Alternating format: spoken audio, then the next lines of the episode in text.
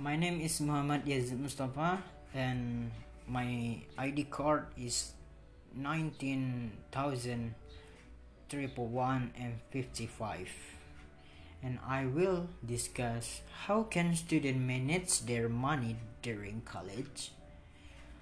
When you are in the college, away from home, balancing that bank account can suddenly feel monstrous and overwhelming.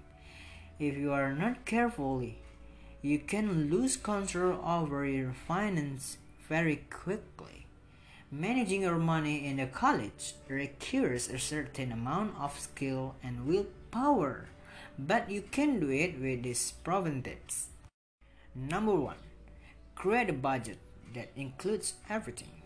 Most of us don't realize how much we spend every week or every month. We add up the big purchases and completely discount the smaller amount that we spend. If you keep track of your expenses carefully for a month, you'll be shocked how much the smaller purchases can add up to. The same thing can happen in college. If you do not keep track of your income and expenses, you could be for a rude awakening. Don't wait for that to happen. Instead, create a budget right at the outset. In addition to helping you stay out of debt, it will also give you great insight into your spending habits. In your budget, first make a list of all your income source, including saving, parental allowance, and income if you are working.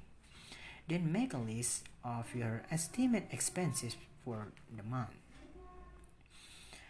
And uh, this list should include essentials such as school supplies, personal care item, food, travel, and laundry, and non-essentials such as going to the movies, late night snacks, socializing, and eating out. And second is set up a checking account. Many banks offer student free checking and saving account facilities which help students save on withdrawal or fund transfer fees. Find out which bank offer this facility to college students and preferably set up a checking account with a bank that convenient ATM is located in close proximity college campus to save on out of network charges.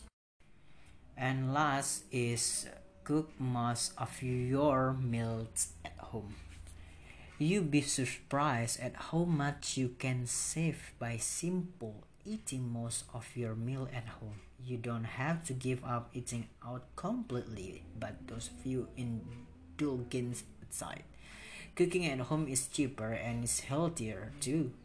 Visiting a local supermarket and stocking up on ingredients for the week beats grabbing a quick sandwich or soda from a nurse deli. An addition is consider taking a job. Uh, you find a job for your uh, handling money, more responsibility and skill that will stand you in a good state after your graduate. Yeah, maybe uh, that's it. Thank you your attention. Wassalamualaikum warahmatullahi wabarakatuh.